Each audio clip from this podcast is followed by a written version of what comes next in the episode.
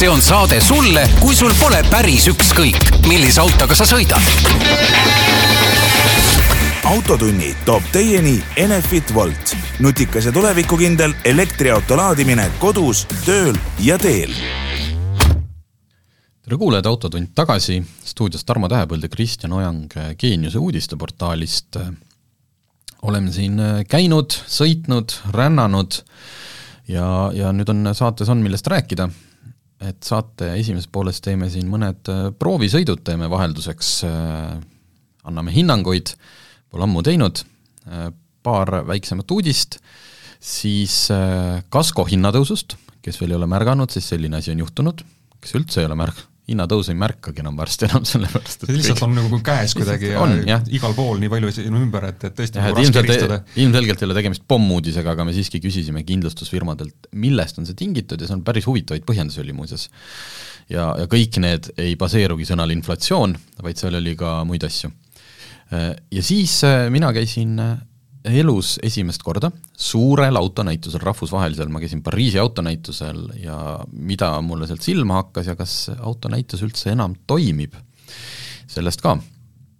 vot nii, aga need autod siis, et me see nädala sündmust mul, noh, nädala sündmus mul ilmselt oligi see Pariisi autonäitus, aga aga ma paneks siia põgusalt kaks proovisõitu, sest nad on mõnes mõttes hästi sarnased autod ja mõnes mõttes väga erinevad elektriautod muidugi, loomulikult, aga äh, mõnes mõttes haruldased, üks neist on Nissan Ariya, mida on näidatud, issand jumal, see oli peaaegu, äh, pea kaks aastat tagasi, kui Ariya jõudis esimest korda Eestisse niimoodi, et oli üheks päevaks, ta oli pandud Tallinna lennujaama sinna, sest siis oli veel kange koroonaaeg, lennujaam oli tühi, sai teha niisuguseid üritusi, lennujaama sinna ooteruumi välja, loomulikult mitte sõitev, äh, lihtsalt selline et et niisugune auto hakkab olema? jaa, et saime seal sisse istuda, nuppe näppida, et oli noh, ilmselt ta ikkagi sõitis ise treilerile vajadusel, aga mit-, noh, meie ei saanud sõita.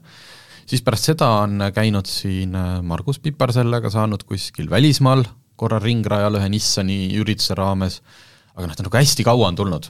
ja nüüd on siis lõpuks kohal, peaaegu et, et päris nagu pressidemo autot veel ei olnudki, vaid ma lihtsalt, lihtsalt rääkisin välja ühe, mis oli siia toodud äh, nii-öelda, kuidas see on siis, tehnikutele ja, ja Nissani enda töötajatele nagu õppimiseks. et tihti on see, et sa näed mingit uut mudelit tänaval sõitmas, aga salongis seda veel ei ole, siis need ongi sageli ini-, äh, siis ettevõtte enda autod lihtsalt selleks, et äh, oma inimesed saaks äh, asja selgeks teha. Suur ja mahukas, kuidas ma ütlen siis, linnamaastur ega äh, kuidas ma ütlen äh,, lõppmulje positiivne. Aga võrreldes ütleme siin Korea konkurentidega ja kes siin on teinud meil suuri innovaatilisi elektriautosid, mida me oleme ka autolehes kiitnud ja, ja oma edetabelites etteotsa valinud? ta on täpselt, kuidas ma ütlen, ta on täpselt samasugune selles mõttes, et äh, väga silmatorkava välimusega, me võime seal noh, ma ei ole teda üheski teises värvitoonis näinud, kui seesama, see pronksias kuldne äh, noh, mina oleks tahtnud öelda pruun, aga pruun. sa ütlesid palju ilusam. Et noh, täiesti võimatu on sellest, eks ju, kuidagi mööda vaadata või et noh, ei ole noh, kindlasti ei ole mingi märkamatu hall jaapanlane, vaid ikkagi ulme. Hmm., ikkagi väga ulmelise välimusega,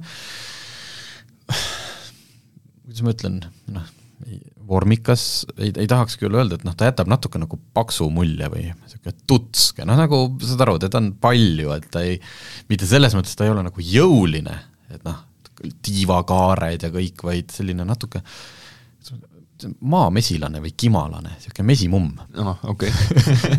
nii palju iseloomustusi. aga see muidugi tähendab seda, et sees on palju ruumi, kuna puudub igasugune see kardaani või kuidas me nimetame, see Kardaani tunnel. Kardaani tunnel, mis küll on no, olemas ka kõikidel, mis küll on ka kõikidel esiveolistel autodel olemas, nii siis et muidu oleks kere piisavalt jäik, mingisugune volt peab seal põrandal just, ja sealt alt siis viiakse summuteid ja, ja kommunikatsioone. et seda ei ole tagaistmel ja mõnus on see, et seda ei ole ka esim-, noh, et ka ees ei ole see konsool äh, juhi ja kõrvalistuja vahel kinni ehitatud, vaid sa saad sealt läbi, see käetugi, mille peal on sul siin siis veel lisaks äh, mõned nupud sõidurežiimid, asjad, et see ka veel nupuga liigub natuke tahapoole. et sa saad siit eesistme vahelt ka läbi käia. mis noh, tundub nagu, et nagu no sellest me tunneme kõik puudust muidugi roolis olles. aga me tunneme, mitte roolis olles, aga me tunneme sellest mõnikord puudust näiteks parklas aa ah,, okei okay,, et sa pargid nii kinni ja, ennast, et, et ennast või on keegi tulnud liiga lähedale ja sa ei, sul on paks jope seljas või sa oled ise ütleme noh, peale jõule heas toitumuses, et noh siis mahud ka läbi, kui oled pärast jõule heas toitunud Läheb nii taha ah, et kas ma sealt konso-, esi, istmete vahelt niimoodi ühelt teisele pääsen, pääseb, pääseb okay.. et selles mõttes ta on jah, et tihti on see, et miks seda konsooli sinna vaja, noh. et saab jalgu sirutada ja siis ütleme ka kõrvalistuja näiteks, kui tahab äh, Äh, just sul lendasin pikalt sealt Pariisist, et tegelikult mingi hetk ikka tahaks noh, tead, istuda natuke küljega ja mitte küll juht, aga ei, see on, see on hea, et see seal on. Lõppude lõpuks mulje on ka oluline, et kui sul jääb nagu selle võrra avaram mulje ja, autost, siis just. see, see on ka nagu väärtus. Äh, sõidu ulatus on okei okay., äh, minul tuli ta noh, nagu ikka, mis me siin sellise põgusa kahekümne nelja tunniga, ega me palju üle ühe, ühe akutäie ei, ei jaksa ära sõita, magama peab ka, tööd peab ka tegema. ja tuli siis äh, nelisada, noh, ma, ma ei sõitnud teda loomulikult tühjaks, aga arvestades seda, kui palju ta näitas, et veel järgi on, siis äh, ma oleks saanud sõita umbes nelisada üks kilomeetrit mm. -hmm. ja siis ka ilmselt mitte niimoodi, et noh, et siis ongi treileri peale sõit, vaid sellega oleks jõudnud ikkagi rahulikult nagu noh, kuigi lubatud on seal äh, jaa, üle viiesaja vist isegi, aga noh, sellise juba pigem jaheda sügisega, natuke ju ikkagi, kuidas ma ütlen, vajutad ka, et proovida seda. mis ma ütlen, see on see mm, esiveoline versioon, kindlasti ei ole tegemist sellise elektriautoga, millega siis kõiki kaasreisijaid kiljuma panna. täiesti rahulik, noh, muidugi, enamike sisepõlemismootoriga autodega võrreldes on see kiirendus tuntavalt parem, aga mitte selline, mis sul jalad lakke lööb, et noh, täiesti, täiesti mõistlik seega, seega väga sellist vajutamist ei olnudki. Ja palju sa linnas sõitsid, palju sa maanteel sõitsid? Eks ta niisugune fifty-sixty tuli, pigem rohkem maanteel. aa okei okay,, siis on tegelikult hästi, et sul maanteel nagu nii, nii pikalt sõitu tuli. ma ütlen, et see nelisada üks oli selline ilma absoluutselt mingit ökot tegemata, lihtsalt, lihtsalt sõitsin, ajasin oma asju ja käisin, ma käisin temaga kuskil ja mul ei tule praegu meelde kus, aga noh, korralik maanteesõit sõitsin jah kuhugi Kohila taha ja, ja aa, mis asja, Pärnus käisin mm.. käisin Pärnus, jah äh,. Lihtsalt sellepärast, et saadagi maanteesõitu, leidsin omale põhjenduse, läksin üks õhtu, läksingi, sõitsin. Äh,. Mis on kihvt, mulle meeldivad need nupud, need on puutetundlikud, aga see on nagu, kujutage ette, noh, see on puitimitatsioon või on äkki päris puit, ma arvan, et imitatsioon. armatuur lauas. Ja nuppu ei ole, vaid see kumab sealt noh, nagu et kas siis noh, pluss-miinus, eks ju, kliimaseadme kumavad läbi nagu oleks puidu sees see mm.. sa vajutadki seda puitu, aga, aga ta ikkagi nagu vajutub ka. teeb klõpsu ka? teeb klõpsu ka jah mm, -hmm. et sa ei pea nagu ainult katsetama, et noh, kas ta nüüd läks või ei läinud, vaid sa saad konkreetselt vajutada. ja disaini mõttes hästi kihvt et äh, kuidas nagu lahendada sellist puutetundlikkust või siledat disaini teistmoodi. ja jumal tänatud, et noh, see ei ole see järjekordne, see õudne, see piano black või piano gloss, see must läikiv plastik, kus sul on siis äh, kõige, kõigepealt sõrmejäljed ja siis ja. pärast sellised mikrokriimud, mida sa pead äh, vaatama. Kogu ekraanindus, tead, see on vist, ma ei tea, kuidagi, ma kohe jõuan selle teise autoni, millega ma sõitsin ikkagi kultuuride erinevus. sest nagu kõik Jaapani autod, mida ma olen siin viimasel ajal, Toyota, nüüd siis Nissan, Subaru, mul on, keegi puurib kuskil, ma loodan, et see väga mikritesse ei lähe, katkestama ka ei hakka praegult. et äh, nad, nad teevad seda UX-i või seda user interface'i ja kasutuskogemust no täiesti teistmoodi. noh, me, kes me oleme harjunud või tahaks kuidagi sellist lihtsat põhja, mida, mida nagu noh, Tesla oskab tegelikult hästi, Tesla viga on lihtsalt see, et ta on toppinud kõik funktsioonid sinna ekraanile. aga tegelikult on need suhteliselt lihtsasti seal leitavad ja suhteliselt kergesti kasutatav.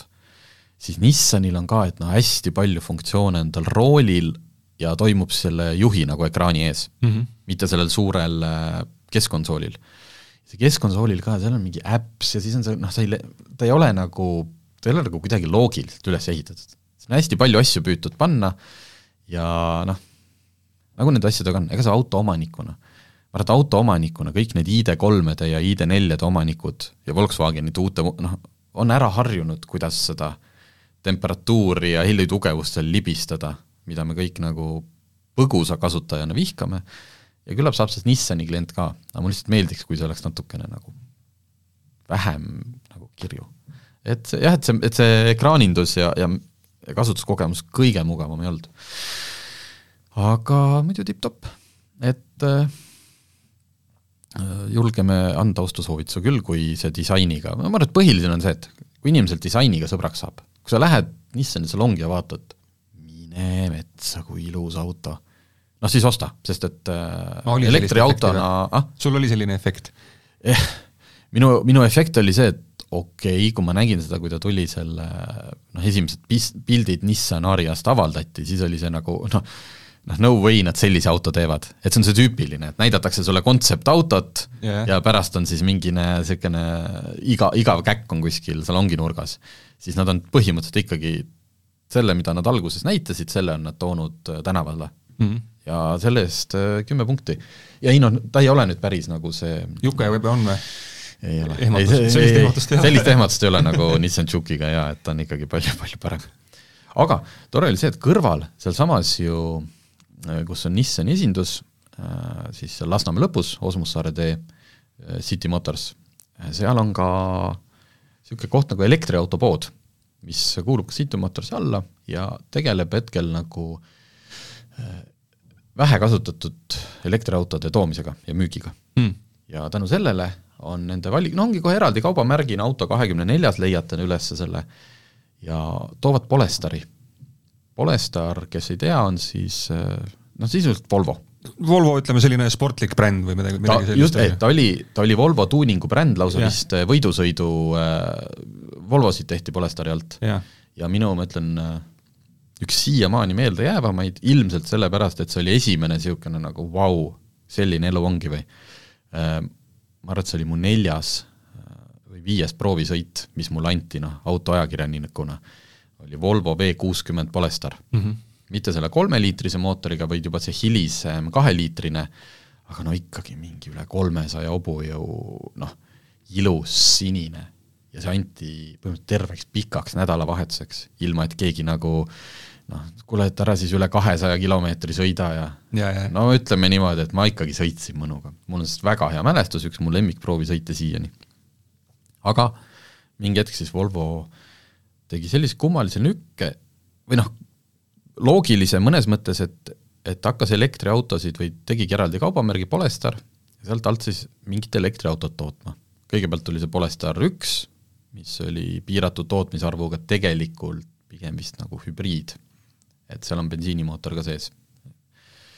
ja siis Polestar kaks, mis oleks kõik okei okay,, aga, aga nüüd on Volvo enda valikus ju ka elektriautod. noh, XC40 mm. äh, on praegult ja, ja siis C40, mis on kupeelik, et nagu ja tuleb kohe XC90 elektriline versioon, et noh, nüüd on nagu see, et mis see Polestar seal siis on, ka Polestar eelmine nädal näitas või see nädal äh, oma linnamaastur Polestar kolme, okei okay.. võtsin siis selle Polestari ja selle kohta ma pean tunnistama, et on see autoajakirjanike noh, nagu et õudselt peaks andma ju subjektiivse, ei, kuidas ma ütlen, objektiivseid arvamusi. aga, aga lõpetad ikkagi subjektiivsega. objektiivselt oli seal Polestaril paar asja päris valesti. ja selles mõttes ütles see müüja ka, et, et ta energiatarve, kui me võrdleme näiteks Tesla Model Y või Model kolmega siis see keskmine, no mis siis bensiiniautodel on mitu liitrit sajale, eks ju, siis seal on, on kilovatt-tund sajale, äh, siis kohe, et ei, Polestaril on see kõrgem. et siin ei ole mõtet nagu üldse üritadagi, et see noh, nii-öelda võtab palju kütust mm. -hmm. kulutab okay. energiat. kulutab energiat, eks ju, noh, loo-, noh, väga, kui me räägime elektriautost, siis väga oluline miinus. ju, on, on. Siis äh, oli ta noh, igatepidi väiksem kõik, aga hinna mõttes ah,, Maria hind jäi ütlemata, see oli äh, kuskil kas kuuskümmend viis või kuuskümmend, see konkreetne harja, seal oli noh, varustust ja kõike, et äh, kuskil kuuekümne tuhande keskpaika mm. -hmm. ja see Polestar, küll äh, mõningas kolmteist tuhat läbi sõitnuna, sama hinnaga. kaks sarnase sõiduulatusega, Polestaril näitas seal vist kolmsada üheksakümmet mul, et saaks sõita saja protsendiga. sarnane sõiduulatus, sarnane hind, sarnane noh, nagu niisugune vibe, et see Polestar kaks on, kas sa mäletad, Volvol oli kunagi, kas ta oli S kuuskümmend, mis on sedaan, aga kõrgele tõstetud sedaan. Nad tegid mingi, mingi imelik versioon S kuuekümnest oli, et sa vaatad eemalt, et oh, see on niisugune nagu see cross country. jah, mäleta, aga, aga ju siis oli, kui sa räägid. jaa, sedaan cross country, ta hästi, hästi naljaks nägi välja, et Polestar on täpselt samasugune Hmm. et ta on kõrge ja aga samas noh, ta on küll luukpära, et see luuk, aga, aga ta näeb välja nagu selline sedaanilik, kindlasti mitte linnamaasturlik. ja, ja mulle jättis ta millegipärast nii kohutavalt hea mulje ja ma ei tea, miks, võib-olla see, et see ekraan ja see kõik oli vastupidiselt Ariale niisugune minimalistlik mm. -hmm. aga mitte odavalt, noh, mitte selles mõttes, et et me- meil ei ole mitte ühtegi äh, mingit lisavarustust või asja, et meil on see niisugune odav väike ekraan, vaid ei, korralik niisugune nagu Volvodel on keskel, niisugune püstine, et äh, nii hästi toimis. nii selge oli, noh, kõik oli, kõik oli nii lihtsasti juhitav, mul ei olnud pandud sinna mingeid mingeid tilulilusid, noh, mida ma mitte kunagi ei kasuta, vaid mida ma pean lihtsalt kogu aeg nagu scroll ima, et leida sinna kohta kuhu ma tahtsin, et lükkad eest ära mingeid jamasid. see oli muidugi, see oli sportlik, aga kusjuures ka mitte kõige kiirem Polestar, sest on, äh, sellest on veel üks kangem versioon, Performance Back vist, aga noh, täpselt selles mõttes kiire, et äh, mõnus kuskil vi- viie sekundi kanti sajani. noh, ta teeb selle sulle uu, mõnusa asja ära, aga mitte jällegi noh, mitte muidugi nagu Tesla see performance back, mis sind jälle noh mm -hmm. viskab selili, aga piisav. aga see kõik oli noh, sõitis nii hästi, ta oli, ta oli piisavalt sportlik, noh muidugi suured väljed, kruusateed, et, et eks ta seal ikkagi põdistas. aga kogu see kogemus, ma arvan, et sellepärast eestlane ka seda nagu Volvot ostab. sa istud sinna sisse sul on ikkagi hea olla seal sees ja täpselt, täpselt nagu nende äh, bensiini või sisepõlemismootoriga Volvodega. kui sa hakkad seda panema paberile, okei okay,, suur maastur, kaheliitrine mootor, eks ju, no no muidugi ta seal igasuguste turbode asjadega ja kui sul on veel see pistikhübriid, noh, muidugi ta läheb edasi.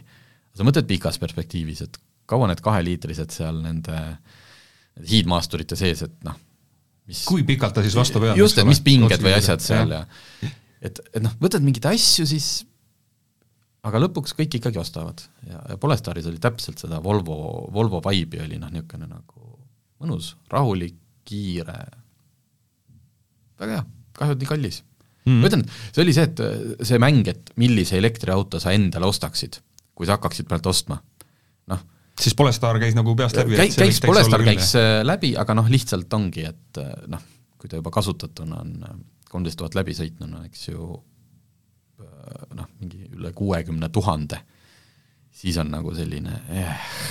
Minu jaoks on see kasutatud elektriauto ostmine selles mõttes veel niisugune tundmatu maa ja natukene nagu hirmutav maa selle koha pealt, et eh, palju ju räägitakse, et kuidas see aku ikkagi seal kaheksa või kümne aastaga nagu kaotab juba päris suure osa oma nagu mahutavusest, eks ju. et kui ma ostan nüüd äh, uue auto hinnaga nii-öelda, okei okay,, Nissan ja Volvo, me teame kõik, et need ei ole selles mõttes sama klassi autod, neil pole mõtet võrrelda, aga ikkagi, et kas ma ostaks nagu sama raha eest nagu uue Nissani, mida sa ka kiidad, mis on hea auto, või ma ostaks nagu mõne aasta vana Polestari ja riskiks sellega, et, et võib-olla viie aasta pärast see Polestar enam ei sõida mul seda kolmesada üheksakümmet, vaid sõidab mm -hmm. näiteks kakssada üheksakümmend, mis tegelikult on juba jumala nõrk tulemus tänases kontekstis. et vot see on nagu see koht, et et siis kuidas see aku vahetamine ikkagi käib, et seal on nagu nii palju neid küsimusi, et, et No peaks isegi minema jah. sinna poodi ja need otse ära küsima nendelt härrastelt, et no ega ei oska sulle selles mõttes, kuna noh, reaalne on ju tegelikult, mida me näeme siin alles, alles Nissan Leafide pealt, esimese põlvkonna Leafid, mis on jõudnud äh, meil siin äh, seal elektriautode grupis on üks tüüp, kellel äkki kas jõudis viiesaja tuhandeni mm -hmm. aga võib-olla ei ole tal esimene akupakk, et noh, ühesõnaga, et äh, tegelikult päris mitusada tuhat. aga siis on jah, et äh, siis on see küss, et äh, kui mul auto on sõitnud näiteks neli-viissada tuhat, noh kindlasti mootor vajab mingi hetk, noh muidugi järjepidevat hooldust igasuguste äh, rihmade ja kõige näol, et noh, elektriauto kui ta neid asju ei vaja, et noh, kui sa oleksid nii piisavalt tark, et sa kogu aeg nagu tõstaksid mingi nagu fond, noh nii-öelda akuvahetusfondi mm. -hmm. paneksid, ütleme, selle raha, mis sul jääb nende tavahoolduste pealt väidetavalt alles, nagu meile räägitakse, et elektriautol ei ole ju noh, ei ole õlisid ja, ja no jaa, aga see asju. aku maksab ju Ja kolmveerand no, just- auto hinda ju, võib-olla ei no see, noh, mis siin Leafide puhul me räägime, seal minu arust ikka mingist alla kümne tuhandest hinnast. ei no okay, me aga, lihtsalt- aga kasutatud Leaf ei maksa ka ju. ja, ja, ja ei, selles mõttes sellel hetkel Et- küll jaa jah., sellel hetkel küll muidugi. aga teine küsimus on see, et kas ma kaheksa aasta pärast, keegi mulle üldse sellist, sellise kujuga sellist Polestari akut, noh nagu tarnib, on ju, ja just, seda toodab. sest et tehnoloogia on nii palju arenenud, et äh, on mingid tahkisakud, et noh siis kaheksa aasta pärast peaks olema juba tahkisaku, isegi vähem, mingi viie aasta pärast peaks Jah, olema tahkisaku juba pigem küsimus see, et raha rahaks, võib-olla olen hästi rikas või selline noh, nagu tõesti, et saabki mingeid toetusi, võib-olla mõeldaksegi välja, et need elektriautod püsiks nagu, aga kas tehnoloogia toetab? mm. -hmm. aga see selleks. vot, mina olen nüüd rääkinud kakskümmend minutit öö, oma kahest autost, aga sina pean järgmised kakskümmend rääkima ühest autost teeme kümme aga sinul on no samas on sul auto, mis ka auto on, nagu öeldakse. ei ole kurta, ei ole kurta. Palju see maksis? see maksis natuke üle saja kaheksakümne seitsme tuhande euro. soodukas. jah, suhteliselt aga saaks veel kallimalt, et jutt käib selle eest siis saab kolm, kolm Polestari ja, ja Ariat. just, jutt käib siis uuest Range Roverist ja, ja noh, loomulikult iga Range Rover nii palju ei maksa, et seal sõltub nüüd eh, mootorist ja sõltub paketist. see auto, millega mina sõita sain, oli siis selle kõige kangema mootoriga ehk viiesaja kolmekümne hobujõuline eh, V8, kahe turbaga loomulikult. ja, ja kui minna veel edasi natukene varustuse peale, siis ma vaatasin, et see hinnakirja tipp on ikkagi seal üle kahesaja tuhande natukene, et, et eh, selles mõttes saab, saab ikkagi uude, uude nii-öelda sajandisse sellega sisse või uude sajasse tuhandesse minna. Aga mida siis eh, üks saja kaheksakümne seitsme tuhande eurone auto suudab? noh, kokkuvõttes võiks öelda, et eh, suudab jaburalt palju ja suudab sellist asja, mida nagu mõtleks, et kas seda tõesti vaja on. Range Rover on ju noh, tuntud äh, maastikuautode Land Roveri nii-öelda see premium mm -hmm. bränd ja, ja tore mõnes mõttes on see, et nad ei ole nagu seda maastiku omadust ja maastiku võimekust kuhugi ära kaotanud. samas tekib küsimus, et kes see siis nagu sellise autoga nagu päriselt maastikule läheb ja, ja noh, millisele maastikule sa lähed, et, et toome nagu lihtsad näited, et, et see auto suudab sõita läbi üheksakümne sentimeetrise veetakistuse sügavuse ja ta kiirendab sajani nelja koma seitsme sekundiga et, et kuidas need kaks asja peaks nagu ühes autos kokku tulema, et miks see vajalik on? nii, kui meil oleks praegult äh, Top Geari keera- eelarve, siis ma paneksin selle Land, Range Roveri üheksakümne sentimeetrisesse vette. Ja ja kiirend- ja vaataks mitme sekundiga ta selle vees sajani kiirendab. See ilmselt läheb siis vähe kauem, aga, aga noh, ikkagi, clearance, eks ole, võimalik tõsta kolmekümne sentimeetri peale. No. Sul on äh, aeglusti, sul on viis erinevat maastikusõidurežiimi, mudas äh,, kruusal, liival, mis need Tihvri- kesktihver läheb lukku, tagatihver läheb lukku. et noh, kõik, kõik nii-öelda tuled ja viled, mis ühel maasturil olema peavad. ja siis on sul, eks ole, auto, kus eesiistmetel on üheksa erinevat massaažifunktsiooni eks ole, kõik on nahast, kõik on äh, kallist puidust. Ja kusjuures, kui sa Nissani ekraanist rääkisid, siis täpselt samasugune äh, puutetundlik, aga klõpsuga mm -hmm. äh, on ka Range Roveris. Ja, ja is- isiklik kogemus on, et oluliselt mugavam kasutada kui, kui nii-öelda tavalisi puutetundliku ekla, ekraane, et sa tõesti saad aru, et see vajutus nüüd, et, et masin ka sai aru, et ma nüüd vajutasin. et vaagrupi selles mõttes on ju Audil ja, ja Bentley'l selles mõttes vaagrupi kallimas otsas on ka tegelikult ja Porsche'l. On need, et see, ma ei tea, mis selle nimi on, kas mitte haptic, aga seesama, et sa saad äh, ikkagi tagasiside, et see puude õnnestus. just, loodame, et see nagu kiiresti tuleb äh, odavamatesse klassidesse ka üle mingil hetkel, aga aga see on tõesti, et noh, esimest korda tundsin, et, et selline ekraanindus ei, ei pea olema nagu tüütu. ja muidugi seda, sellel Range Roveril ei ole seda ekraanindust liiga palju, et seal ikkagi põhi, põhiasjad, kliimaseadmed, istmesoojendused, istme ventileerimised, kõik asjad on ikkagi nuppude all ka. ja kiiresti, noh mitte kiiresti leitavad, vaid need ongi sul seal keskkonsoolil olemas, nii nagu nad kogu aeg olnud on. loomulikult nad on nagu kaasaegse kujuga, loomulikult nad on seal ka elektroonilised, aga ta on ikkagi sellise suure ketta all ja, ja noh, põhimõtteliselt mm -hmm. see kasutuskogemus on samasugune, nagu oli kümme aastat tagasi, et et väga-väga lihtne ja, ja väga hea. ja no muidugi sõiduomadused, et et jah, et see neli koma seitse sekundit sajani, see on äge, see, see ka enam-vähem tõstab sul, eks ole, jalad sealt põrandalt lahti, kui sa, kui sa gaasi põhja vajutad, aga sa ei tunne nii suures autos seda kiirendust. Ja, ja noh, loomulikult mürasummutus nii, niisugusel luksusaut-, luksusautol on ju, ju nii võimas ja nii tõhus, et, et et sa ei saa aru, kas sul on nüüd sada peal või on sul seal sada kakskümmend peal või on sul seal veel rohkem, sest et eh, helides mitte midagi ei muutu. et kõik on selline vaikne ja, ja, ja pilt kuidagi läbi, läbi esiklaasi, noh, okei okay,, tuleb natuke kiiremini see maja vastu, aga ega ta nüüd nii palju kiiresti ka ei tule, et sa nagu ära ütleks, et et sa tegelikult juba sõidad kiiremini ja varsti hakkavad load ohtu minema. aga noh, üks kaks ja pool tonni kaaluv maastur loomulikult kõigub, loomulikult õõtsub ja teeb seda ka siis, kui äh, sõita nii-öelda sportlikus režiimis, jah, maastikusõidu kõrval oli seal tavalise sõidurežiime ka neli tükki veel.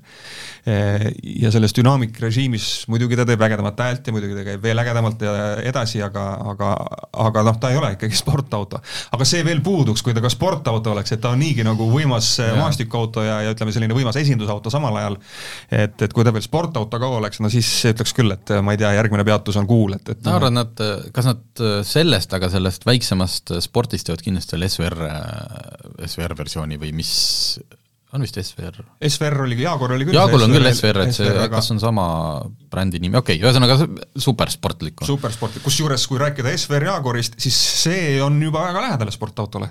sõiduomadustelt ka, kuigi samamoodi suur pirakas, eks ole, eh, mis ta oli siis, F-Base mm -hmm. sellel, sellel plat-, noh, baseerub sellel, eks ju, et et mine tea, eh, mis, mismoodi see välja, välja hakkab nägema tulevikus, et võib-olla tõesti hakkamegi mingisuguste kahe poole tonniste jurakatega kunagi ringrajal ka painutama, et muuseas, selle sellega, kui sa ütlesid hind, et mul tuli üllatusena, et praegult, et see oli see kõige võimsam V8 versioon, sest tegelikult Range Rover on ennast sättinud äh, päris, päris karmi hinna, kallisse hinnaklassi, see noh, ta, ta ise ilmselt ongi teadlikult, et äh, enne, enne Bentley Bentaygat, aga ikkagi tunduvalt kaugemal ütleme siis Mersu GLS-ist ja kes seal on veel no ütleme, Porschel on jah, kõige suurem ongi Cayenne, et kuigi Range Rover on lihtsalt suurem auto, aga kui me vaatame teisi tipuotsa, noh, Audi Q8, äh, Mersu GLS, BMW X7, siis tegelikult see Range Rover stardib, kui ma peast mäletan, kuskil saja kahekümne kolme tuhande juurest.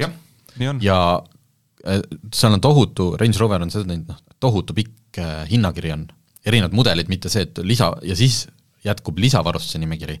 aga see mudelite nimekiri on ka hästi pikk et erinevad paketid, kõik on välja toodud. kas kaheksateist äkki neid erinevaid pakette, et seal on nagu tohutu, tohutu valik jah. ja ta, ja ta tõuseb ju minu arust, seal oli mingi autobiograafi pikem versioon oli äkki hinnakirjas juba kakssada kakskümmend viis tuhat. Mhm.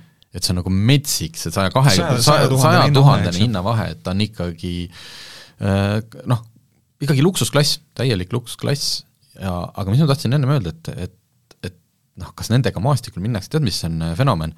Et kohe ei minda, ilmselt, sellepärast et värv ja kõik, aga mina hakkasin Amazon Prime'ist lõpuks, ma tegin Amazon Prime'i liitumise, sellepärast et tuli see mm, Sõrmust isanda seriaal no. muuseas, soovitan kõigil teha, sellepärast et esimene kuu, kolmkümmend päeva on, esimene kolmkümmend päeva on tasuta. jah, minagi selle lõksa kunagi läksin ja, ja arvestades seda, et mis sa siis sügisel muud ikka teed, et kui lehed on riisutud, kartul võetud, et siis on aega ju vaadata seriaale ja, ja seal on see Clarksons Farm mm., noh, ja see on saanud kiita, see on saanud auhindu ja, ja hakkasin vaatama ja ongi sümpaatne no,. noh, loomulikult eks ta seal kaks-kolm korda teeb ikka siukest noh ei no ta Clarkson on Clarkson, ta on sa, sa näed just, et, et noh, kas on scripted või ta lihtsalt tunneb, et kuna ta on Clarkson ja Top Geari taust, et siis ta peab mingi lollaka manöövri või sõitma traktoriga millestki üle, aga tegelikult on see hästi sümpaatne seriaal. et see, see ei ole mingi selline, et, et noh, lammutame ja lõhume, vaid ikkagi niisugune farm. ja, ja mulle meeldib see positiivne vibe seal, et ta ei ole nagu see noh, kuna Clarksonil äh, ilmselt raha probleemi ei ole, noh, ma arvan, et ta võib sinna põllumajandusse, et ta on piisavalt rikas, et tegeleda põllumajandusega, nagu öeldakse. et ta ei ole nagu mingi Tanel ja kanad, mingi farmi saade, kus sa tead, et see kõik võib lõppeda nagu ühe mehe pankroti ja hävinguga, kõik on kogu aeg nii halvasti, sest raha ei ole. Clarkson toob ka jumala hästi välja selle, kuidas noh, kui kallis see on, et arvutab kokku, kui palju ta nende lammaste eest raha saab ja kui palju tal on juba pidanud tegema investeeringuid et need -hmm. lambad üldse võtta ja siis ta nagu, et aga see ju ei, see ju noh, kuidas see nagu aga kas sa oled esimese hooaja lõpuni või seal ei ole. okei, ma siis ei ütle sulle ära, aga hooaja lõpus tuleb kulud ja tulud kokku okay., siis vaata, kui, kui kõva see kasum või kahjum on seal, soovitan lõpuni vaadata. just, et ma hakkasin vaatama seda maahommiku asemel okei, oota, jõudsime ah,, ja Clarkson sõidab ju seal farmis Range Roveriga mm, -hmm. äkki vist kaks põlvkonda tagasi Range Roveriga mm, -hmm. ja teebki kõiki neid farmi töid nii, ja siis on teine mees, Harry Metcalf, kes on ka tuntud autoajakirjanik, kellel on äh, väga tu-, võimas YouTube'i kanal Harris Garage ja on ka Harris Farm. Harry Metcalf on muuseas ajakirja Evo asutaja. noh, selline ka, ütleme korralik auto täpselt sama niisugune noh, niisugune sümpaatne inglise härrasmees mm, -hmm. et ra-, noh, tema videod ja asjad on muidugi rahulikumad, noh, temal ei ole seda Top Geari taaka kaasas, et tema võib teha nagu, aga samuti noh, testib äh, kõige ägedamaid autosid, hästi van-, tal on väga, väga kihvt autopark on tal. ja ka tema sõidab oma farmis ja teeb farmitöid äh, ja sõidab ringi samasuguse Range Roveriga nagu, või oli äkki üks põlvkond uuem, kui Clarkson. ehk me jõuame selleni, et need Range Roverid lähevad maastikule küll no, ja jah, lihtsalt nad ei, just, just, et kuna ta, ja siis on hea, et sa tead, et ja, sul on väga maastikuvõimekat, mugavat autot vaja, hinnad ju kukuvad õnneks, noh nagu ma just tahtsingi öelda sulle, et, et vaata, palju see Clarksoni Range Rover täna maksab, on ju, võta kakskümmend neli lahti ja sul hakkavad sealt kusagil alla kümne tuhande, eks ole, hakkavad need hinnad pihta juba, et et sellepärast ongi väga hea, et Range. Rover neid supermaastikuvõimega superluksusautosid toodab, sest et äh, me saame neid siis varsti omale ise osta, kui me neid pidada jaksame. jah muidugi tore oleks, kui oleks niisugune supermaastikuvõimega, aga lihtsam auto, noh siis võtad Toyota Land Cruiser, eks ju, ja, ja, ja saad selle viiekümne tuhandega ja kuuekümne tuhandega ja no aga noh, tahaks, et ise ikkagi masseeriks no, ja teatrisse minna, kas sõidad. Okei okay,, nii, äh, sellised proovisõidud olid seekord äh, kas ma ütlesin Toyota Land Roveri või? Äh, minu arust ütlesid ikka Land Cruiser. tänatud. no aga hea, et sa parandasid, sest kui sa oleksid öelnud, siis me oleks saanud palju lugejakirju. nii, aga näed, oleme rääkinud palju, üks uudiste osa, mis ma tahtsin, äh, puudutab ka elektriautosid. Äh, nii äh, Peugeot oma E kakssada kaheksa, see on see väike ja noh, ilmselt tuleb ka kohe nende linnamaasturile, kui ka Lexuse UX, mis on ka Lexuse praegult ainuke elektriauto, on teinud mudeli uuenduse. ja mõlema puhul on olulisim see, et E kakssada kaheksa sõidab nüüd kolmesaja kahekümne kilomeetri, vist oli seal vanasti niisugune sõiduulatus nüüd on nelisada. Mm. ja Lexus UX on kolmesaja asemel ametlik sõiduulatus tõstetud neljasaja viiekümne peale, suurema akuga, muidugi hind ka tõuseb, aga lihtsalt see, et kuidas vahepeal nagu noh, ilmselt saadi aru, et ikkagi rahvas ei ole, et räägitakse, noh, sa, sa võid ükskõik kui palju rääkida, me keegi ei sõida päevas, umbes noh, keskmine inimene sõidab umbes viiskümmend kilti päevas. Ja noh, jah, muidugi, kui me võtaksime keskmise inimese järgi, siis meil olekski vaja igasse autosse kolm istekohta, äh, nelikümmend viis kilovatti, eks ju, võimsust. just, äh, kakssada liitrit pagasiruumi ja jah, just, ja, ja raadiot, kus on kaks raadiojaama, sest inimene kuulab elus ainult kahte raadio, noh, ja, ja, ja ma ei, ma ei kuula, mul ei ole ju, miks mul on vaja kakskümmend raadiojaama, mul on nagu piisab kahest, ma kuulan Raadio kahte ja ja aeg-ajalt Vikrit, sest ma olen juba selles eas ja noh, nii ongi. aga et noh, sa võid inimestele rääkida, kui palju tahad, et sul ei ole vaja seal mingit äh, viissada kilomeetrit sõiduulatust. selge, inimene ei tule su elektriautot lihtsalt ostma. ei, muidugi ei tule. sest tal on kaks korda aastas on vaja sõita. jah, ja kui sa siis ka oma autoga sõita ei saa, siis milleks seda üldse vaja läheb?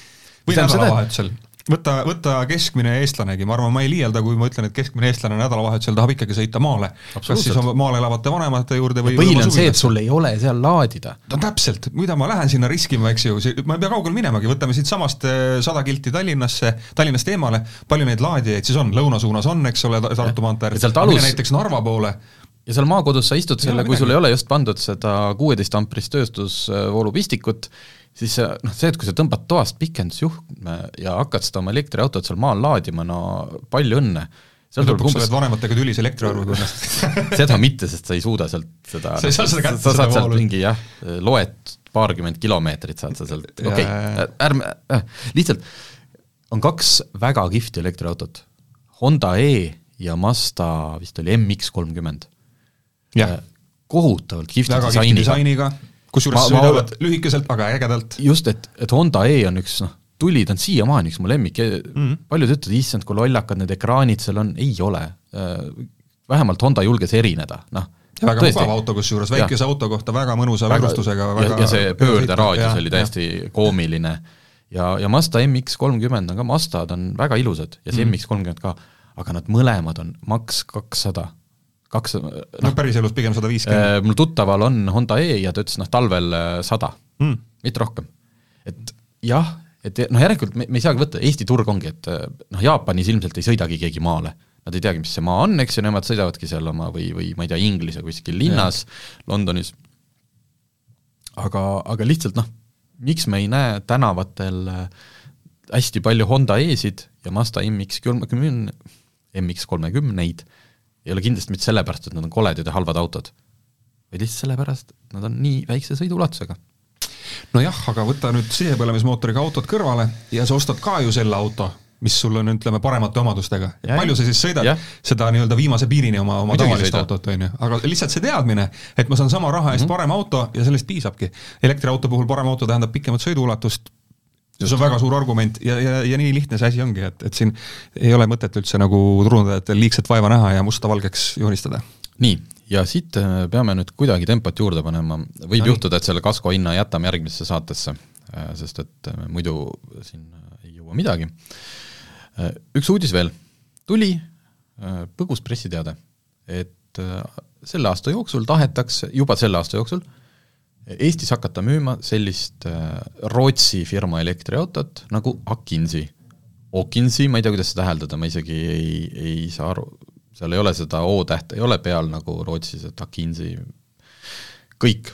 selles mõttes, et äh, Akinsi Alfa, see niisugune nimi, Alpha nagu mm -hmm. kirjutatakse, äh, millal, tähendab, kes hakkab müüma, mis hinnaga, äh, infot ei ole leidsin selle Akinsi enda kodulehe üles, kuidas pressiteates polnud isegi kaasa pandud auto andmeid, et nagu noh, need on kodu, autofirma kodulehel on need olemas, et see on lihtsalt nagu kivi ilmselt siis PR-ettevõtte kapsaaeda, kes meile selle saatis, et noh, jällegi, kui sa räägid elektriautost, siis elementaarne on panna sinna juurde nagu tehn-, või no üldse autodest tehnilised andmed, et mm -hmm. nagu kolmkümmend kaks kilovatt-tundi aku, sõiduulatus kuni kakssada viiskümmend kilomeetrit. no vot, jälle jõuame sinna, et kellele ja milleks okei okay., energiakulu kümme koma kuuskümmend kuus kilovatt-tundi. aa okei okay,, see on muidugi väike. see on väga väike ja auto võimsus kolmkümmend viis kilovatti, tippkiirus sada kaks, ühesõnaga, aga tead, mis huvitav, et laadimisstandard on äh, CHAdeMO mm, -hmm. ehk siis see, mida kasutab Nissan Leaf, vist nende autode puhul tegelikult vist ei ole vahet, sest äh, nende laadimiseks sa ei vaja nagunii ülikiiret no just, selle väikse aku pristab täis küll uh,. Okei okay sellel autol on täiesti point olemas, ilmselt Eestis seda väga keegi ei viitsi osta, aga muus maailmas see, vot see on see linnaauto. see on mm. see, mida mitte keegi ei lähegi selle mõttega ostma. Et ma lähen ka nädalavahetusel maale. nüüd, nüüd ma hakkan sellega tooma kartuleid ja siis ma lähen teen äh, mingi tripi Lõuna-Eestisse, ei tee, noh. Äh, ilmselt äh, on eesmärgiks siin võib-olla mingid fliitid, võib-olla mingid rendifirmad, kes ostaks ja paneks meie tänavad neid täis. Ja ja tegelikult on ju täiesti puudu seesama üks auto, noh, kes, kes on nii-öelda soodsate elektriautode slotis, istub see Dacia Spring üksinda. Oma mingi kahekümne tuhandese mm -hmm. hinnaga. et öö, sõitis ju tegelikult, noh sõitis, meie, noh meile ta väga ei meeldinud, sest ta ikkagi jättis sellise odava mulje sa no, eeldadki, et ta on odav. nojah, aga ta nüüd nii nagu plastine on. ta oli ikkagi, noh, minul, minu karikas sai täis siis, kui ma läksin sõitma natukene mööda seda Tallinna-Tartu maanteed. ja kui ma tulin temaga mööda seda pealesõitu üles, jõudsin sinna kiirtee peale ja tuuline ilm oli mm, -hmm. Ma tundsin, kuidas see auto sai nagu paugu ära, kui ta sinna tuulekoridori jõudis mm. -hmm. ja siis ma sain aru, et ok, et see oli selline kuiv tee kõik, aga kui ma oleks praegult talvises ja ärme räägi sõiduulatusest, räägime sellest, et tee on sõidetud niisugusesse roopasse, eks ju, ja mhm. kui seal noh, tuul mind puksima hakkab, siis oli küll selline roll, see mopeedauto tunne. aga okei okay,, on inimesi, kellel on neid vaja autosid, lihtsalt et noh, et see Akinsi, et kas, kas niisuguse tundmatu nimega uus mingi järjekordne noh, et siin on nii palju riskifaktoreid minu jaoks, kui ma vaatan praegu Akinsi kodulehelt, missugune see auto välja näeb, siis see meenutab sellist äh, paarkümmend aastat tagasi tehtud Daewoo Matizi. absoluutselt, Daewoo Matiz, jah. et äh, no ma ei ütle ühegi otsa pealt, kui ma sellele autole peale vaatan, et see võiks olla näiteks Rootsi auto ja et siin on mingisugune Skandinaavia kvaliteet kusagil sees, et et see näeb välja nagu vana Daewoo. jah, mis on retrofit itud elektriautoks. et kas tõesti sellise autoga on mõtet turule tulla, no ma ei tea. kõige, kõige olulisem on just praegult on see hind, mida ei ole välja öeldud mm. -hmm. kui see hind on näiteks odavam kui Dacia Springil, siis võib juhtuda, et mingid näiteks kullerid, et kui ma oleks nojah, et kui, kui, on kui ma olengi nagu võtnud see, et mitte, et ma ei sõida nagu näiteks ei vea seda Bolti food'i kuskil ainult õhtuti paar tundi, vaid see ongi hetkel mu põhitöö, ma olen sellele nagu valmis investeerima, siis liisida omale selline, tõesti läbisõit, kui on kakssada viiskümmend kilomeetrit, on see päris piisav, kui ma saan selle kätte näiteks, ma ei tea, viieteist tuhande euroga, ühesõnaga, seal võivad mingid arvutused hakata Mm, näitama. Jaa. nüüd on küsimus, eks ju äh,, kellega ma just rääkisin, ma rääkisin Autosõit äh, OÜ, see on see Eesti suurim autokool, äh, juhiga ja küsisin, et kas neil ei ole näiteks noh, plaan, olete mõelnud, et elektriautode peale üle minna või vähemalt mingi osa autopargist, et puhtalt arvutuslikult, jättes kõrvale selle rohelise maailma, noh kõik see, vaid et äkki oleks äh, tulusam. ja ta ütles, et äh, et nad ei ole veel väga põhjalikult selle kõigega kaasa läinud, aga ütles, kõige olulisem, et seal ei ole üldse, üldse ei ole see, et äh, palju sõidu ulatus on või palju see auto maksab. ta ütles, et nende puhul sellisel firmal, kes ostab suure hunniku autosid ja pärast noh, mis iganes liisinguperiood või on kolm aastat, need tahab tagasi anda, on jääkväärtus mm. -hmm. jääkväärtus on see, mis sul teeb selle kuumakse, mille pealt sa hakkad noh, mis muudab seda, et kas sulle ütleb see pank või kes iganes nüüd siis tagasi ostab, ütleb sulle selle perioodi jääkväärtuseks kakskümmend viis protsenti või kolmkümmend viis protsenti, on noh, nagu ettevõttel juba tohutu suur vahe mm. -hmm. ja nüüd selle Akinsiga on ka, et noh, et kui mulle keegi nende peal liisingut annab, et kui see jääkväärtus on, eks ju, panga silmis kolme aasta möödudes null, siis Siis auto võib ju viisteist tuhat suur. maksta, siis see tuleb Jah. väga kallis, et siis ma võin sama eest osta juba ju, ma ei tea, kolmekümne tuhandese elektriauto mine no just, et sa selle lõpliku kilomeetri hinna ikkagi arvutadki selle järgi, mis raha eest sa lõpuks lahti saad selle, on ju, et, et palju sa oled ära kulutanud auto peale. vot, aga eh, sellest Akinsist on hea sujuv üle minna Pariisi autonäitusele. Käisin esimest korda, selles mõttes, et alguses, kui Autogeenus alustas, olime me pisikesed ja noh, ilmselgelt keegi veel ei eh, vaadanud, et kas me, sest üldiselt autonäitusele minek on ikkagi selline, et tavaliselt ma saan aru, et autolehe aegadel ka, et keegi ikkagi kutsub. keegi nagu, mõni autofirma eh, võtab nagu endaga kaasa võimalik, pole ise kunagi käinud, meil olid teised inimesed, kes seda tegid. jah, aga eks ikkagi kuulsid, et et jah, et, et ise sinna noh, kõik need äh, noh, selle kajastus nagu ei, ei, tegelikult ei too seda, seda kulu nagu tavaliselt tagasi mm. -hmm. kui ma võtan puhtalt, reisikulu reisikulu ja reisi majutus ja, ja, ja seal majutuskulu ei ole ju nende jah, artikli, aga, aga samal ajal on noh, kogu net on ju seda infot täis, et sa ei tule sealt nagu, okei okay.. ja siis tuli koroona. nii et äh, autogeenus ei, ei õnnestunud, Paula meil käis, aga ühe teise töö, raames käis korra vist, oli Frankfurdis või Genfis. nüüd siis Pariisi autonäitus äh, üritab tõusta tuhast siin on pikalt räägitud juba enne koroonat, et tegelikult see suurte autonäituste mudel on äh, suremas või suremas, et äh, nad ei saa oma, noh, et tihti lõpevad äh, pankroti või kahjumiga ja. ja see kõik ja autofirmad ei taha enam osaleda, sest see on nii kallis ja nüüd on ju, autofirmadel on nüüd internet, kus nad saavad ju ennast noh, et võib-olla see oli kümme, kakskümmend aastat tagasi oli oluline kõik asjad saada sinna näitusele mm. -hmm. sest see oli see koht, kust nagu tulid uudised. Nüüd saad teha veebiülekandeid ja mis iganes. no just, aga äsja käinuna said sa siis ikkagi nagu teise meki suhu lihtsalt pilte vaadates? ikka sest et sai. ikkagi suur argument ongi see, et, et üks asi on, mis sa pildi pealt näed, aga teine asi on, et kui sa ikkagi oma käega saad just, katsuda just ja kui mingi asi sind näha huvitab, et seal on ikkagi inimesed kõrval, kes sulle siis sellest räägivad. meiega oli kaasas äh, Vitoldas Milius, Leedu autoajakirjanik, kes on noh, väga kogemus, noh aastakümneid, ja tema ütles muidugi noh, et suuruselt oli see näitus noh, võib-olla üks kümnendik sellest, mis ta vanasti oli. võib-olla, võib-olla isegi natukene, ma ei usu, et päris üks kümnendik, sest ta oli ikkagi päris suur Mhm. äh, aga, aga siiski kõvasti väiksem äh, kas mul hakkas igav? kas ma sain poole tunniga käidud? ei. seal oli ikkagi kaks suurt halli, pluss kolmas oli noh, rohkem niisugused tarbesõidukid ja asjad, kus oli, kuidas ma ütlen sulle, selles mõttes oli tegemist äh, Pariisi autonäitusega, aga selge fookus oli Prantsuse ja Hiina autotööstusel. loomulikult olid väljas prantslased, olid väljas äh, täiega, Renault oli välja toonud kõik oma need viimase aja ideeautod, mis nad on siin välja käinud, Renault viis elektriline, Dacia oma uue selle äh, laheda kontseptautoga, terve noh, hästi suured prantslaste platsid, Peugeot, Peugeot nelisada kaheksa, mis on nende niisugune kupeelik äh, sedaan, mis neil nüüd äh, aasta lõpus jõuab ka Eestisse. Peugeot see Le Mani auto, üheksa X kaheksa vist või? hästi kihvt, noh tõesti koha peal, vot see on see jah, et koha peal näed neid asju mm. -hmm. et siis noh, pildilt ma olen seda üheksa X kaheksat näinud kõvasti, aga siis näed, et nagu päriselt ongi selline auto olemas ja selliselt päriselt hakatakse sõitma. see ei ole mingi nagu kontsept. Äh, noh, näiteks sain rääkida sellesama neljasaja kaheksa disaineriga. sa istudki, sul on oma nagu aeg eraldatud pool tundi, et rääkida selle inimesega ja ütleme niimoodi, ma, ma päriselt läksin sinna noh, natukese eelarvamusega, sest siis tuleb see mees, kes peab noh, et kui palju ta, mingi PR inimene istub ka kõrval, eks ju mm, -hmm. kui palju ta saab öelda, noh. ta ei hakka, ta ei hakka ju mulle reaalselt ütlema, et noh, tegelikult mulle, noh, tegelikult mulle niisugune disain üldse ei meeldi, aga noh, tead, tööülesanne anti ja okei. Okay ma seda ei tahtnudki, aga ma ei, selles suhtes ma ei läinud sinna mingit nagu skandaali soppa ja soppa ja skandaali otsima, aga lihtsalt, et kui huvitav see vestlus ikka olla saab.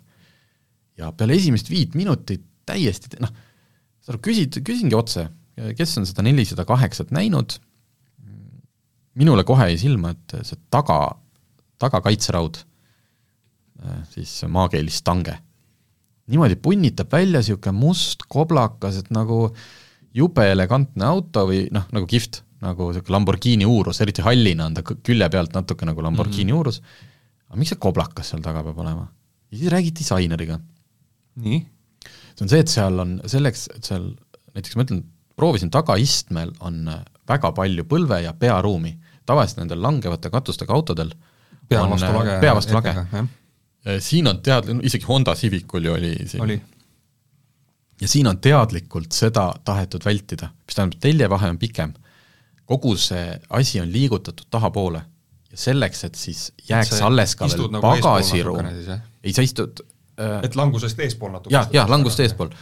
ja et see pagasiruum, et sa ei võta seda ruumi pagasi arvelt ja kõik, et siis on nagu see noh, on, on pidanud nagu need ülendid, seda taga viimast osa mm -hmm. tegema suuremaks. sellepärast on see tagumine kaitseraud selline suur, miks ta on musta värvi, see oli minu põhiküsimus, et miks ta niisugune noh, nagu imelik. üks on see, et nad tahtsidki, et tal olekski, autol olekski robustne välimus tähendab seda, et kui sa ikkagi tagurdad, sa tead, et sul on seal kaitseraud no,. et sa, et sa ei pea muretsema, et sul on nagu, et noh, see on hästi eh, noh, hästi väike, väike stange läigib, särab ja nii, kui sa kuskil kõksti vastu teed, siis on sul juba nagu tagatuled ka katki ja kõik see. ja, ja teine näiteks pidi olema see, et ta noh, min-, noh see, siin, siin me saan, saaks nüüd selle disaineriga natuke vaielda, et ta on teist värvi sellepärast, et auto enda siluett ja kõik see pääseks äh, jõulisemalt äh, võimule ja see stange, olles teist värvi, justkui nagu siis ei sega seda disaini, et noh, see on nüüd natuke ilmselt, mingid disainerid peaks jah ja. ja., no lihtsalt väga huvitav, et sa saad inimesega rääkida. absoluutselt nõus. aga, aga rääkides siis sellest ülejäänud näitusest, miks ma lõpuks tundsin, et, et väga tore, et ma sain käia, oli see Hiina osa asjast no see Hiina osa on selles mõttes ta nagu Euroopa autoajakirjandusest läbi käinud, eks ole, ja, ja varasemalt on läbi käinud selline, et no vaatame, mis lollustega nad nüüd hakkama on ja. saanud. ja mis ägedaid koopiaautosid. koopiaautosid, eks ole, suured kohtu case'id, kuidas on siin ka sama Range Rover, väiksemaid mudeleid on ju, Evoque'i, kes on kopeeritud ja kõik ja nii edasi. no mis mulje nüüd siis on, kas hiinlased tulevad jälle nii-öelda mütsiga lööma, tulevad maha joonistama või pakuvad päriselt ka midagi uut? ei no eks nad muidugi Euroopa autonäitusele, kui nad peaks tulema mingi Range Rover Evoque'i koopiaga või BMW koopiaga, noh siis siis oleks tee lühikene. Tee oleks lühike, aga noh, peast, kuhu noh, Sport Equip, BYD, BÜD, BID, Ceres, Wei, Winfast, Winfast on muuseas Vietnam, äh, ja pluss veel mitmed nimed, mida mul hetkel ei tule meelde, äh, noh kõik, kõik sellist meie autoajakirjanikena siit-sealt käivad need läbi. ja nad, ja mis, ja mis on hiinlastega juba nagu minu arust mingi kaks tuhat üheksa, kümme, millal üritati Eestisse tuua neid äh, Landwindi ja, ja midagi müüs see ka, Brilliance, Brilliance just, et hiinlased on kogu aeg tulemas. Mm, -hmm. nad on kohe, kohe Hiina autode nagu tohutu pealetung. ja nagu nagu ei tule, ma ei tea, kas siin on äh, tegemist selle Euroopa ikkagi mõnevõrra kaitsva äh, majanduspoliitikaga, et me lihtsalt muudame neid regulatsioone nii, nii kiiresti, nii palju karmimaks, et kui sellel ajal, kui hiinlased on valmis saanud, siis ma ei tea, Euro kuus ja, ja NCAP-i nõuetele vastava auto, noh, oleme me juba siin tõstnud oma neid NCAP-i ja mis iganes turvanõudeid ja uuel, uuel tasemel. uuel tasemel, see hiinlastel on ah, nojah, aga need vanad, vanad hiinlased, ega nad olid ju kehvad, see, see Brilliantsiga sõitsid, seal oli niisugune ice sees, et sul poole tunni pärast pea valu, valutas ja no ei ole võimalik, noh. ja ma, ja me oleme ju tegelikult sõitnud äh, ühe, Ceres, Ceres oli ka seal väljas Äh, nii Series kolm kui Series viis, Series viis muuseas just jõudis eelmine nädal Eestisse, sellega me veel ei ole sõitnud, aga me sõitsime Series kolmega. Äh, ta sõitis, elektriauto, noh kõik nagu, kõik nagu töötas, kaasa arvatud äh, meediasüsteem, mille nimi oli Turbotalk kaheksa. Nad oskavad ägedaid nimesid panna, ikka midagi ei ole öelda. aga, aga aga noh, me ei, me ei saanud anda talle ostusoovitust, sest et ta ei suutnud arvutada ikkagi noh, absoluutselt adekvaatselt seda sõiduulatust ehk et noh, kui ma alustan sõitu nagu kakssada viiskümmend pluss lubatud sõidukilomeetriga ja ma reaalselt saja kuuekümne järel olen omadega juba äh, sõbra talumajas äh, hädapärast laadimas, sest et ma ei jõudnud noh, Tallinnasse välja, et siis nagu pluss, pluss kõik see salongi nagu noh, ma ütlen, turbotoogia mingid mm, -hmm. mingid vead ja tõlkevead ja noh, okei okay,, kõik, jätame siis selle kõik kõrvale, ongi elementaarauto aga hind oli sama, mis Peugeot E kakssada kaheksa või kaks tuhat kaheksa. no vot siis, miks et ma no, peaks tegelikult? just, et me, me, me ei tea selle auto, me ei tea selle auto tausta, me ei tea, kas ta aasta pärast kukuvad kerepaneelid juba, kas sul salongi laest kukub, eks ju, tuli alla mm, -hmm. me, mitte mingit tausta ei ole, sa ei saa tulla turule, küsida sama raha, mis äh, on väga kaua turul olnud auto, kelle puhul sa tead, et isegi kui tal kukub see tuli sealt alla, siis nad noh, ülejäänud auto töötab, eks ju ja, ja lähevad kruiid garantii eest selle tagasi, ühesõnaga. et see esimene hiinlase kogemus, tegelikult meil ei olnud hea mm. -hmm. aga kui ma vaatasin neid autosid, mis seal oli, noh näiteks BYD, mis muuseas on Build Your Dreams nimi jälle. mis on nende autode taha ka kirjutatud, see, kus see Porschel on, eks ju, põhimõtteliselt sarnase šriftiga on Porsche, seal taga ei ole mitte BYD, vaid ongi Build Your Dreams.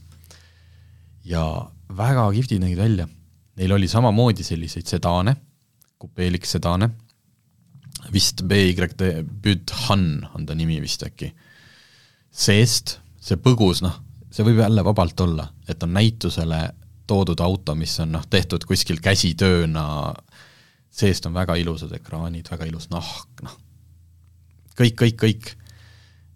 Et äh, kui need autod oleks nüüd päriselt sellised, nagu nad välja näevad ja, ja sõidakski lubatud sõidukilomeetreid, ja ei nagiseks, ei kolliseks, ei haiseks plastiku järgi, ehk et kui me noh, kui nad päriselt jõuaks meieni, siis nad võiks isegi läbi lüüa siin, jah? ja, ja tuleks samamoodi nagu, kuidas ju noh, lõpuks rab-, noh, müügitabelite tippu Eestis või üldse saigi ikkagi Kiia ja Hyundai mm, on sellega, et eh, viis kuni seitse aastat garantiid, Hyundai'l oli ka seitse, nüüd on ja. tagasi viie peal. seitse aastat garantiid, palun, tulge oma Build Your Dreamsiga, ehitage siia salong, mitte ärge müüge, eks ju, kuskilt kellegi kuskil noh, taganurgas, et mingi üksi, üksik hiinlane, ja öelge mulle, et seitse aastat garantiid no Korea autodel muidugi on ka see, et eh, noh, näiteks Hyundai'lgi on ju tegelikult see, kuidas öelda, arenduskeskus ja, ja disainistuudiod ja kõik asjad on ju tegelikult toodud Saksamaale mm. -hmm. et noh, laias laastus uus Hyundai ikkagi ju mõeldakse Euroopas välja, eh, Euroopa, valdavalt Euroopa disainerite poolt ja, ja ehitatakse neid ka Euroopas, on ju, et, et seal on lihtsalt see bränd ise on Koreast, eks ole, omanikud on korealased, aga seal on väga suur selline Euroopa tunnetus küljes juba sellest hetkest alates, kui üldse auto paberi peal sündima hakkab. et vot, kui nüüd hiinlased eh, umbes sama mudelit hakkaks kasutama, võib-olla nad juba kasutavad, ma ei tea. tegelikult nad kasutavad, eh, tegelikult me eh, sõidame väga palju Hiina autodega. juba, eks ju. Volvo, Volvo, Volvo., täpselt. tegelikult kuulub ju Geelile yeah., paljud väga suures osas. osaliselt ja. vist ehitatakse, me, meil vist müüakse küll Rootsis ehitatud Volvosid, ma ei, või Ameerikas ühesõnaga, noh, sisuliselt Geeli läks seda teed, et ta mitte ei hakanud nagu oma autosid Euroopas ehitama, vaid ta ostis lihtsalt lihtsalt ostis Euroopa auto Euro, ära. Euroopa auto ära. Äh, kuidas siis nendega läheb, et noh, miks, et miks nad seal niimoodi Prantsusmaal tohutult väljas on, et et ikkagi üritavad ja, ja otsisin statistikat, Forbes kirjutab, et äh, selle aasta esimese poole aastaga, kaks tuhat kakskümmend kaks, on äh, Hiina autode müük olnud seitsekümmend viis tuhat autot, mis aasta lõpuks ilmselt siis on sada viiskümmend tuhat. kaks tuhat kakskümmend üks oli alla kaheksakümne tuhande terve aasta peale? terve aasta peale, sisuliselt me oleme praegult nagu juba kahekordses mm, -hmm. mis on piisk meres, sellepärast et Euroopas müüakse kuus, ühes kuus umbes seitsesada kaheksakümmend tuhat autot mis teeb siis aasta lõpuks on selline, jah, see on kriisiaastad ja niimoodi mingi kahekümne miljoni auto ligi. et nendest sada viiskümmend tuhat hiinlast, noh, hetkel me ei saa nimetada seda invasiooniks, aga, aga nende autode pealt, mis seal puhtalt visuaalselt vaadates kohal olid, siis noh, ma võin vaadata seda, et mida nad lubavad seal sõiduulatusteks ja see kõik ei loe. see kõik ei loe, kuniks nad ei ole reaalselt turul, reaalselt VLTP sertifitseeritud ja siis ka meie karmide testi käte vahelt läbi käinud mm, -hmm. et äh, aga see oli huvitav, noh, ja, ja jõudes ringiga tagasi selle rootsast Akinzini, siis praegult me rääkisime siin äh, sellistest suurtest, noh, mis olid nagu sellist päris autode mõõtu, aga selliseid pisikesi linnaautosid, mida ma kõiki ei viitsinud ülessegi pildistada või, või meelde jätta, neid oli seal vähemalt sama palju mm. -hmm. kõik, noh, pooled näevad välja nagu Smartid, ehk siis seda äh,, isegi mitte niivõrd noh, et nad ei kopeeri Smarti, aga see formaat, kus sul sisuliselt ongi kaks istet ja taha saad panna portfelli. noh, niisugune hästi lühike, tõeliselt, tõeliselt mini. et äh, neid oli seal hästi palju. ja, ja siis huvitavatest asjadest veel oli Prantsuse sellised äh, butiiktootjad vot see on selles mõttes kihvt, et sellised asjad veel alles on, eks ole, et kui ma vaatan neid äh, sinu tehtud fotosid, siis selline äh, viiekümnendate, kuuekümnendate stiilis Roadster, eks ole, tänapäeval veel toodetakse sellist yeah. ja tal on, nagu sa ütlesid, kaheteistsilindriline mootor vahel, V kaksteist. mine tea, võib-olla see ongi, võib-olla see ongi ainueksemplar, et samamoodi nagu Eesti, Eesti, eestlaste nobe ja mingid asjad käivad ju noh, aastaid juba näitustel ja ja me ei näe kuskil mingit äh, tootmist, aga kihvt, et nad on.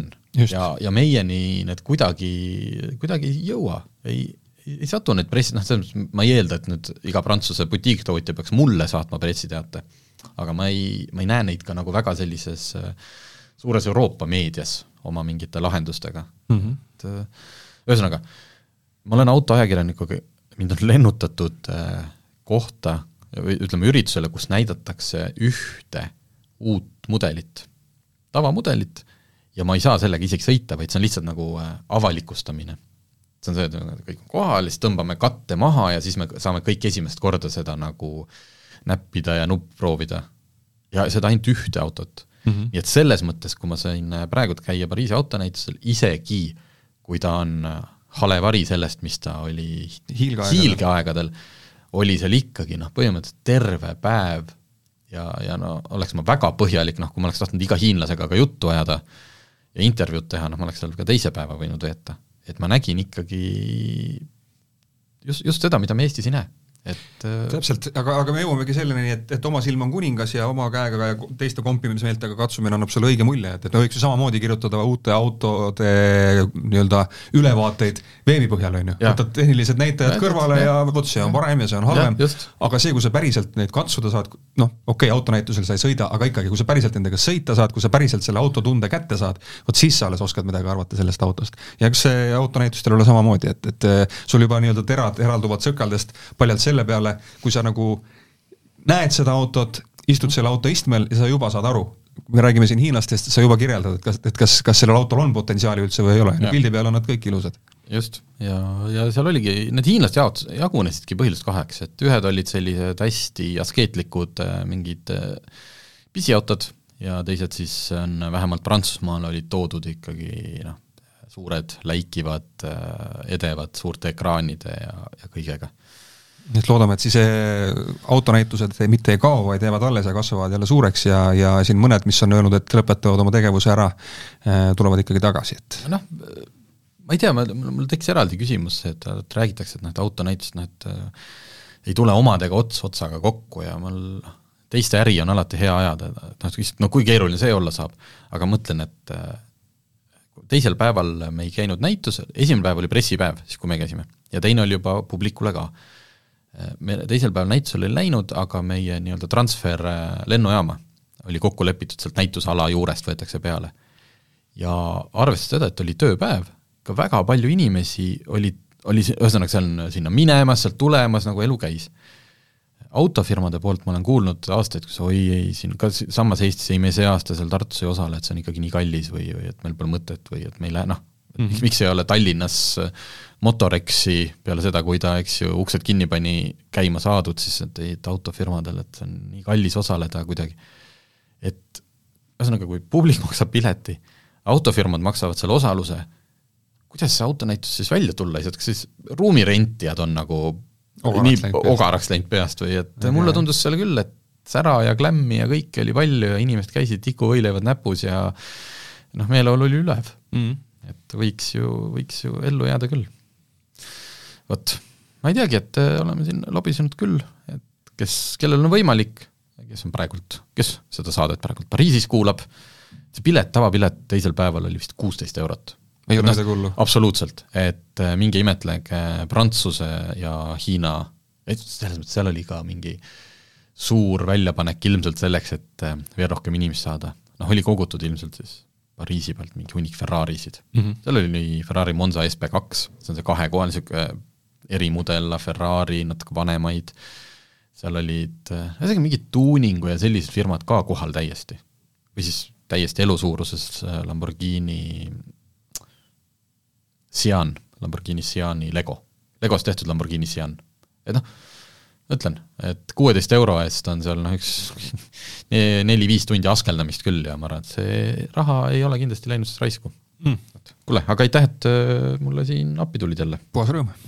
autotunni toob teieni Enefit Volt, nutikas ja tulevikukindel elektriauto laadimine kodus, tööl ja teel